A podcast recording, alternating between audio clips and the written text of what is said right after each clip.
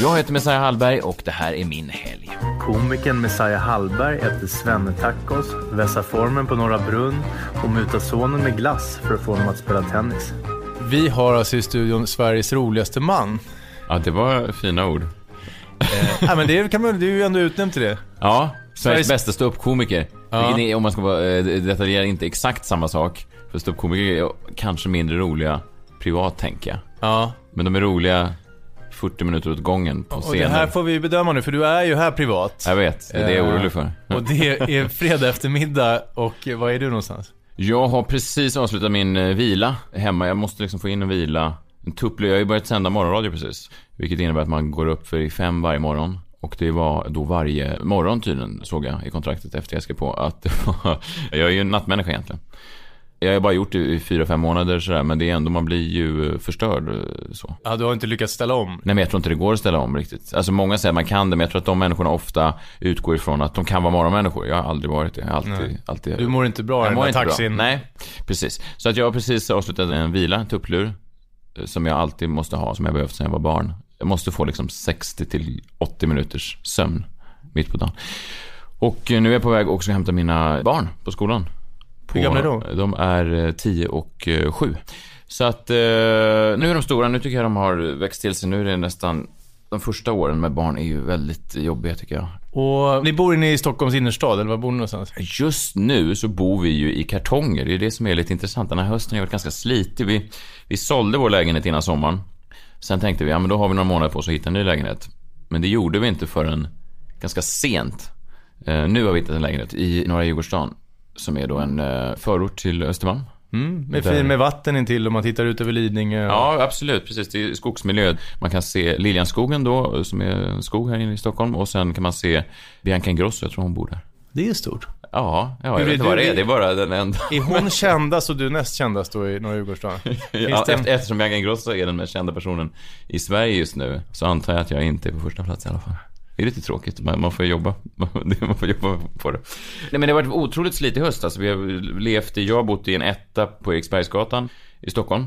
Och eh, min familj har bott på en ö där vi har landställe ute på Storholmen utanför Lidingö. För jag sänder så tidigt så jag kan liksom inte åka båt mitt i natten för att ta mig till radion.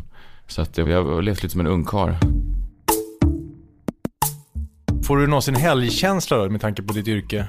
Ja, alltså det är det som också är intressant nu när jag börjat sända radio då måndag till fredag. Jag har ju alltid sett ner på folk som har haft helgkänsla. Så fort någon säger så här, nu är det helg, så tänker jag din sorgliga stackare. Eller så här, nu är det måndag, nu börjar jag jobba, åh, det är också din sorgliga stackare. Alla människor som har liksom levt efter den här normen, 9-5 normen, har jag sett ner på. Eller det mest deppiga är ju när man hör när ett nytt år, så säger man så här, yes, det är ett bra år, för i år så ligger julafton jag vet inte hur det är, men så får de en extra ledig dag. Eller. Ja, men det är slaveri. Och så är man glad för det. Man är liksom någon slags opium för folket. Så. Men, nu när jag då har börjat jobba måndag till fredag själv. Så står jag ju då på fredagen och säger så ja det är fredag. Och fan nu är det måndag. Och, fan vilket bra år det verkar bli nästa. Det är Det är så. någon sorts slags karma. Ja, men det, ja, ja, ja, verkligen. Men jag, jag förstår. Så att för att svara på din fråga. Ja, absolut. Nu har jag då helgkänsla för första gången på tio år. Så att det är ju faktiskt lite mysigt. I och med att jag inte kan lämna längre barnen, i och med radiojobbet då, så är det ännu viktigare för mig att åka och hämta dem. Och sen så går vi alltid till eh, Sabis på Fältöversten. Som är någon slags Hemköp, eh, antar jag, från I början. Stockholms bästa matbutik och dyraste ju. Är det så? Jag Ja, jag, jag ska säga att det, det drabbar ingen fattig, men... Nej, men det är dyrt. Det är jättedyrt. Men det är också väldigt trevligt. Det är lite som man tänker sig. Den har legat där sedan 1882 eller någonting. Nu var inte jag med på den tiden. Men det är lite den känslan att det finns fortfarande en riktig charkdisk och en riktig ostdisk. Alltså det är lite det som de tar bort från alla mindre butiker. Så då går vi och eh, plockar ihop allt. Vi äter alltid exakt samma sak. Det är alltid tacos. Vilket jag delar tror jag med 97% av alla andra svenskar. Men jag har alltid varit väldigt gubbig så här. Jag tycker ju väldigt mycket om när det är extremt kategoriskt och eh, förutbestämt och att det är så som det alltid varit. Och mina barn är så nu också. Eh, Vilket, de, alltså, om man pitchar någon dag att säga, nej men vi kör pannkakor idag. Så de säger, nej det ska vara tacos, det är fredag. Hur ser din taco ut? Köttfärs med eh, lite sån rökt tacokrydda på. Eh, Ganska svårt att hitta men den ska vara lite rökig smak så att det blir lite så rö rökig smak helt enkelt på köttfärsen. Sen kör jag väldigt mycket tacoost, stark tacosås, guacamole, hackad tomat, jalapeno, picklad eh, rödlök, Och sen det absolut viktigaste är en viss typ, jag tror att det är Rydbergs vitlökssås som är otroligt god. Alltså, den är ju en sån riktig plasttrycka på majonnästuben. Den kan man ju dränka tacon i. Det blir som en riktig sån slafsfest. Sen åker vi till Ropsten och där tar man då båten ut till landstället på Storholmen. Men du har alltså landställe 12 minuter från Stureplan helt enkelt? Ja, men jag tycker att det är skönt att ha det när... när... Vilket av någon anledning för mig in på karaktären Messiah och den verkliga Messiah. Mm. Vem är vem liksom? Vem är, för när du, det drabbar ingen fattig här som du säger. Då Nej. undrar man om det är du eller om det är din karaktär. ja, precis. och ni Nej. heter samma sak. Ja, nej, precis. Nej, det där är ju eh, intressant. Jag har ju försökt att långsamt avveckla den karaktären som jag gjorde då när jag började med humor för det är nästan tio år sedan. Ja, grabben, vi skulle vilja ha en liten exklusiv titt här. Kan inte du bara ta av dig skorna? Jo, absolut kan jag göra det om du samtidigt ser tur att få ut sossarna från båten. Det var ju någon slags reaktion på ja, men det nya Allians-Sverige. Liksom. Allians för Sverige gjorde ju, de vann ju över massa röster från folk som aldrig skulle kunna tänka sig att rösta blått tidigare. Och så var de det nya arbetarpartiet och det funkar väldigt bra. Så det var ju liksom en sån slags borgar um, explosion i Sverige. Att alla hade råd med sin egen mjölkskummare och Nespresso-maskin och åkte till Thailand. Det blev liksom en sån eh, reaktion på något sätt.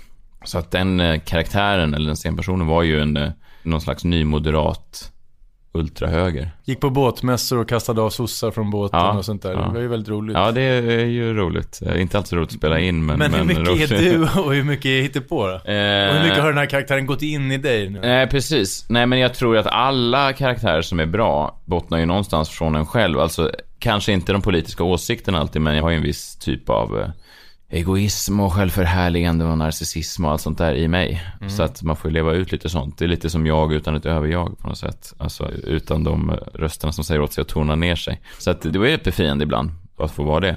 Men sen var ju problemet också att det flockades ju väldigt mycket människor som kom för att se den här karaktären som man kanske inte riktigt alltid förstod nyanserna i det jag försökte göra och sådär. Alltså det räckte inte med två skämt om hemlösa utan de ville ha en timmes skämt om hemlösa. Och så de skrattade på ett sätt som man kände att skrattar de här verkligen för att de uppskattar bra humor eller skrattar de här för att de tycker att det är skönt att någon äntligen börjar prata om hemlösa? Om vi är tillbaka vid den liksom lite sossiga, fina eh, fredagsmyskvällen här med tacos Ja. och så. Vad, vad händer sen? Min sociala fredagsmyskväll mellan Lidingö och Djursholm. Ja, då kommer vi hem, packar upp, jag börjar steka upp lite köttfärs, börjar pressa lite guacamole. TVn åker på, vi ser alltid exakt samma program också. Barnkanalen åker på vid sextiden. Familjen Rysberg och eh, det brukar vara någon sån här Wild Kids. Och sen vid åtta då så slår vi på Idol. Och så sitter vi där och eh, äter tacos och tittar på det här. Så så är det. Så att det, det är ju, eh, jag skulle säga att det är min... eh, Det mest klassiska svenska fredagsmyset. Ja men, nej, men verkligen, kan- verkligen. Det har gått trender i det där. Jag, jag kommer ihåg jag skrev någon artikel om det någon gång att fredagsmyset genom historien, det var ju kyckling ett tag. Kyckling på fredag, vad var det jag sa? Det är ofta reklammakterna som försöker liksom göra det här. Och så tror ju många trenden går mot att taco då kommer försvinna om några år, så kommer något nytt. Det är någon ny som approprierar fredagsmyset. Så är det verkligen. Ja.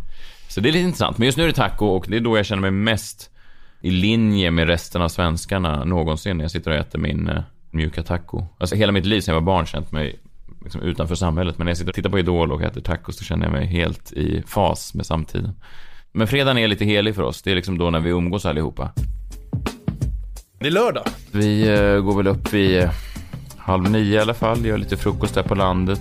Jag äter samma frukost som jag gjort sedan jag var sex år. Hallonyoghurt med knäckebröd och pepparkakor och lingonsylt. Det är min frukost. Jag tar till mig med pepparkakor när jag åker utomlands för att jag måste ha det för att känna mig trygg och eh, får en bra bas på dagen. Då får du hela kostcirkeln där. Det är jättefint. Ingen lättjogge heller hoppas jag. Det är riktiga liksom fed. Nej, det är faktiskt lättjogg oftast. Men nej, det kanske är onyttigt, jag vet inte. Men jag har försökt några gånger. Jag kommer ihåg att jag gick upp kanske 3-4 kilo någon gång när jag studerade. För då drack man ju ganska mycket och åt liksom bara onyttigt. Och så försökte jag äta någon gång fullkornspasta för de som sa att det var bra. Och det var ju vidrigt va? Det här var 2006. Sen dess har jag inte rört en nyttig produkt. Alltid när folk kommer och säger så här, vill du ha ljust eller mörkt bröd? ja, en dum fråga tycker jag. Ja men då har du bra förbränning. Det är ju det här radio men du är ju Jo, ja. trådsmal. Jo, jag vet. Folk har sagt att jag kommer bli eh, korpulent i, eh, i många år, men det har inte hänt än. Så jag väntar på att det ska smälla till. Vad har du för planer för den här lördagen? Ja, men planen är väl att vi ska ta oss över vattnet in till stan. Jag ska uppträda på kvällen. Jag har ju en ny eh, show på gång som jag ska, ja, ha ett år på mig nu egentligen att testa skämt för. Showen heter Senare ut äktenskap och har premiär nästa höst. Och ska helt enkelt handla om ett äktenskap. Den ska handla om ett äktenskap, men det är äktenskap inom citationstecken för jag och min tjej vi är inte gifta utan vi bara lever som gifta. Att vi har Volvo och barn och eh, har gått i parterapi och allt sånt där som svensken gör när man älskar varandra. Funkade den för er då? Ja, jag vet inte. Alltså jag tror ju mycket relationer handlar om att svälja sin stolthet och eh, Vad var det bästa sig. ni fick med er av parterapin? Det har varit lite olika sessioner. Det har också varit så här att parterapeuter till slut säger så här, ja, ni kanske ska prova någon annan nu. Så att när de eh, säger så här, jag har inget mer att ge. Det är ett bra tecken tror jag. Men en grej så här som vi fick med oss någon gång var väl att man gjorde någon slags schema över eh, vad eh, man gör i hushållet. För jag tror att när jag, min tjej, tio år äldre än vad jag är och hon hade väl mer koll på det. Jag var väl ganska typiskt manligt ganska dålig på att ta ansvar tror jag för. Eller jag trodde väl att jag gjorde mer än vad jag gjorde. Alltså, Vad, vad hade ni städuppgifter och så här. för... Det där, jag har haft samma sak med min fru också. Man tror 70-30 så visar det sig något annat. Hur föll det ut för er då? Jag kommer inte ihåg exakt, men jag minns i alla fall att det var liksom jag tror också att det här är ganska manligt kvinnligt att om en man gör något hemma så är det väldigt tydligt för då berättar han då för alla. När jag har varit ner med tvätten eller när jag har gjort det där. Medan då kvinnan tar på sig väldigt mycket tysthet, att det inte är samma skyltande med grejer. Så att det är det som blir ganska uppenbart när man drar ner det på listor så här, att det finns en Ofta finns det en snedfördelning. Nu tror jag ändå att jag, måste ändå säga att jag är långt mycket bättre nu. Och jag tror vi närmar oss någon slags likhet. Men det är, jag tror generellt sett att det är väldigt vanligt att Din tjej slog sig inte för bröstet varje gång hon tömde diskmaskinen. Nej, precis. Och framförallt så, det är också ganska bra att dela upp det där så man faktiskt vet att man, istället för att man går runt och är lite muttrar saker till varandra konstant, att man faktiskt har områden. Att jag vet att varje gång liksom, Vilket är ditt? ja men tvätten och disken är väl framförallt mitt. Ja, men vi åker båten över och sen har ju vi, vi har ju bott på Gärdet som är då en annan förort till Östermalm i, i väldigt många år. Så vi har ju liksom fältöversten, då där Sabis ligger, mataffären som jag pratade om. Där har vi varit, alltså jag tror att jag kanske varit där mest i Stockholm. Alltså vi har bott där i stort sett i, Ja, i jag kan 11-12 nog nästan år. utmana det där. Det jag har också bott där i 25 år. Var där sant? varje dag. Ja. ja man är alltid där. Ja. Om man bor i trakterna. Nej men så att vi är där, vi är på leksaksaffären. Det finns en lakritsbutik som vi går in i. Som öppnade förra året som heter Lakritsroten. De har sådana provsmakningar utanför. Det Mm. ligger alltid lakrits i en skål. Och min dotter känner alla på den här butiken. Hon går in och hälsar och sen så äter hon upp hela deras eh, provsmakningsförråd. för att hon är väldigt förtjust i lakrits. Sen sätter vi oss då på Café Klang som ligger där inne i hörnan. Och eh, beställer. Barnen beställer alltid eh, American Pancakes. Jag beställer alltid eh, kycklingtacos. Och min fru beställer alltid tonfisktacos. Vi äter precis som på fredagarna så äter vi nästan alltid exakt samma sak. Men det är väldigt trevligt. Jag tycker om Klang. Jag brukar sitta där och jobba också. Det är, så här, det är väldigt många kaféer runt om i Sverige som försöker driva ut folk genom att spela hög musik. Och då går in på Joe and the Juice så vill du bara skjuta folk efter ett tag för att det är så hög musik. Och jobbig musik, så här ja, kommersiell radio. Fast inte energy. Och snygga, lite kanaler. klonade snubbar. Som ser ut som du ungefär, fast med lite skägg. Ja, just det. Precis. Nej, jag har inget skägg. Det är det som är... Precis. Det Om det du som- hade skulle du få jobb på the Juice. Ja, jag vet. Så fort jag försöker växa ut skägg så säger min fru, ta bort det där, det ser ut som du är 14 år. Jag har inget, inget bra skägg. Det är min enda svaghet, det är min kryptonit. Om någon gång ska få en roll där och säger så du måste ha helskägg så tyvärr, du får sätta på ett sånt lösskägg. Men Klang då är mycket bra. Också, det borde alla kaféer ha. De har ju alltså eh, el vid alla platser, gratis wifi, optimalt för att sitta där och snylta hela dagarna. Men det finns en norsk ägare där som går runt och han är inte helt nöjd. Ibland några gånger så har han forslat bort mig och min dator till fönsterborden för han tycker att jag då tar plats från hans lunchkunder. Säger du inte, vet du inte vem jag är och sånt? Har inte- nej, det var länge sedan jag gjorde det. Jag, jag minns att jag har gjort det till här dörrvakter. Egentligen innan jag var känd. Jag tror jag hade någon sån här praktikantjobb på Efterlyst. Men, men då sa jag då... Jag känner Hasse Aro. Ja, ja, exakt så. Kolla här, vet du vems nummer det här är? Det är Hasse Aros. Och på kvällen ska du till Norra Brunn. Ja. Och hur går det för dig den här kvällen då? Nej men det går väl kanon. Alltså, det är ju väldigt jobbigt. Många vet ju inte om det, vilket är konstigt, men att stand-up är ju väldigt mycket manus. Det är ju 90% manusbundet. Många tror att man går upp och bara improviserar som någon slags magiker. Men det är väldigt mycket manusbundet och något som är väldigt skönt är ju att köra skämt som man vet funkar. Det värsta man kan göra är att behöva testa nya grejer. Och jag tycker det är jobbigare och jobbigare ju äldre man blir och desto mer etablerad man blir och eh, Dessutom då när man ibland presenteras som årets manliga komiker och sånt där så är det jobbigt att vara inte bra alltså. när man var helt ny och färsk, då kunde man gå upp och vara lite dålig för man visste att det var liksom, min roll var inte att toppa kvällen. Fallet är högre Fallet är högre, precis. Och också att man vet att det är så jäkla mycket bra komiker i, i Sverige idag, så att de innan en... Jag brukar ofta avsluta kvällen, det är fortfarande lite sån där... Det är lite en ära. Att man är liksom the headliner, the main event, så på slutet av kvällen. Att... eh, Ja, om- alltså de som, som innan en är bättre än vad man själv är, så, så blir man ju arg. Alltså, om jag inte är bäst, så blir jag väldigt besviken på mig själv. Jag vet inte om du är en sån människa som ibland kan känna en eh, känsla i bröstet av eh, nedstämdhet utan att du riktigt vet vad det är. Att man kan Absolut, liksom, melankoli sådär. Ja, melankoli, ja. Mm. Den känslan bär jag med mig då kanske ett, två dygn. Du är lite blå helt Jag är enkelt. lite blå, ja, precis. Vilket skämt sitter bäst då? Men det är ju alltid gammal skit, alltså sådana som man har stått och dragit i tio år. Något där- Inga av de nya sitter Jo, men de sitter. Men det är, det är också så här, man blir bättre och bättre. Man skriver om smalare och smalare grejer. Man vågar gå längre och längre. Men det är också den typen av skämt som inte alltid lämpar sig. Det är lättare att stå och prata om att finnar är leka. Sådana skämt funkar. Om du, om du vill ha ett skämt som alltid funkar så är det att stå och säga att finnar är bleka. Det tycker folk alla. Det är en typ av fördom som alla kan skriva under på. Ett skämt som jag har väldigt många kommer fram och pratar om som aldrig får liksom det största skrattet, men väldigt många har kommit fram efteråt och sagt så här, ja men det där tyckte jag väldigt mycket om. Det är ett skämt där jag säger i stort sett att jag och min fru, man bråkar och sen låser man in sig i varsitt badrum och så gråter man och sen kommer man ut och så bara, nej vad fan, vi har ändå bostadslån och så där, vi kör lite till. Det är ju till en, eh, ganska många som, eh, speciellt i Stockholms innerstad, som känner igen sig i det. Att man liksom, jag hatar dig men inte tillräckligt mycket för att vilja flytta till en etta i Hökarängen. Vad är det för publik på Norra Brunn? Är det liksom kunnig humorpublik? Det kan vara liksom 40 män och kvinnor från If skadeförsäkring som sitter där och ska ha något julbord. Ja. Och Och, just ikväll, är det något bröligt fyllo som stör dig liksom? Ja men det är ju lite eh, juletider så att det är ju eh, alltid några som gör bort sig lite grann. Det hör man ju direkt. Man kan också höra det direkt man kommer in. Man ser liksom, efter tio år av det här så kan jag direkt peka på folk och säga ja men du är i byggbranschen eller hur? Och så är de alltid det. För att det... och vad är, vad är karaktär? Ja men det är att de Stor sitter... Eller? Nej men det är att de står och brölar på ett sätt som är... Ja, men de, och är det Klassiskt också- bygg. Byggbröl. Ja, men klassiskt byggbröl och att de tittar på varandra när det kommer något eh, lite grovt skämt och så ser man att de tittar på de andra grabbarna så Att det finns en, någon slags manlig liksom, överenskommelse att det här är väl kul. Alltså, vi män gillar ju att skratta när andra män säger att det är okej att vi får skratta. Är vi så ängsliga? Ja, jag tror att många män är det. Har kvinnor är mer självständiga när det gäller skratt? Ja, det är Men min, intressant det är min analys. Ja, men jag tror att vi är uppfostrade att hålla våra känslor både på gott och ont. Det är därför på en begravning väldigt många män har svårt att släppa fram. Alltså man kan ju stå, jag minns min pappas begravning att man var så här, jag grät men det var ändå så här, jag var lite tvetydig i det. Eller kände dubbla känslor. Att man var så här, man grät men man höll tillbaka lite grann för någon jävla fånig mansroll liksom. Satt där och höll på. Man, man tror att någon iakttar en. Ja men man tror också att man skulle bli jävla sjukt ändå. Att, eller jag ska prata för mig själv, men att jag då kände att nu är jag då mannen i familjen när min pappa försvunnit. Nu måste jag bita ihop här. Vilket är så jäkla fånigt. Men så var det då. Och när du kliver av Mm. den här kvällen, har du vunnit då? Eller är det liksom, kommer pappa vara blå i, i två dagar efteråt när du åker hem? Nej, det här var ett bra gig, men det var inte ett toppgig. Det är liksom en idrottsman, om man får vara lite fånig och pretentiös, att man liksom tränar sig fram till ett slutspel och det slutspelet är då min show Ja. som premiär nästa höst. OS är i höst. liksom. Ja, OS är i höst, så att just nu ska man vara liksom lite så här halv... eh, Man ska vara bra, men man ska inte vara i toppform. Hur varvar du ner efter det här succégigget?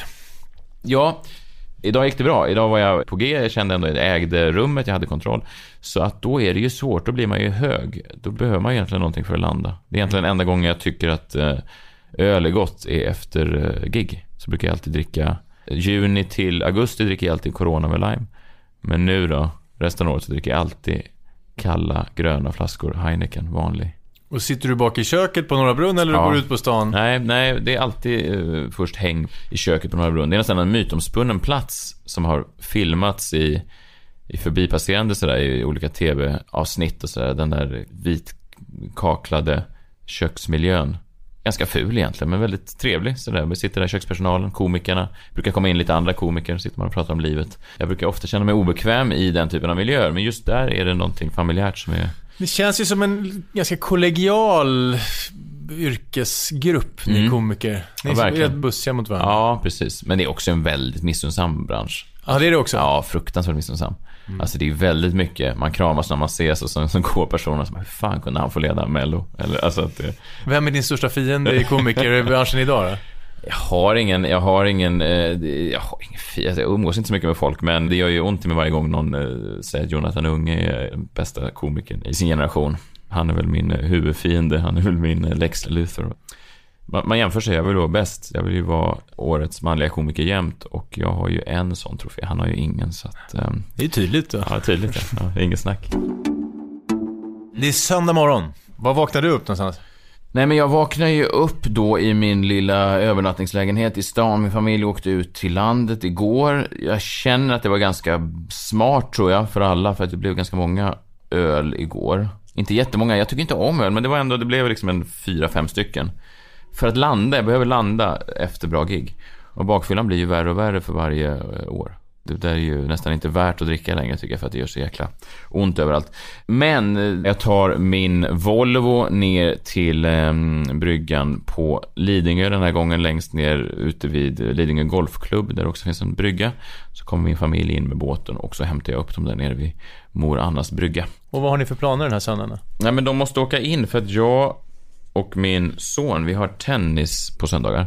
Vi spelar samtidigt då. Min son har en privat tränare på tennisstadion och jag har då en annan tennistränare på banan bredvid.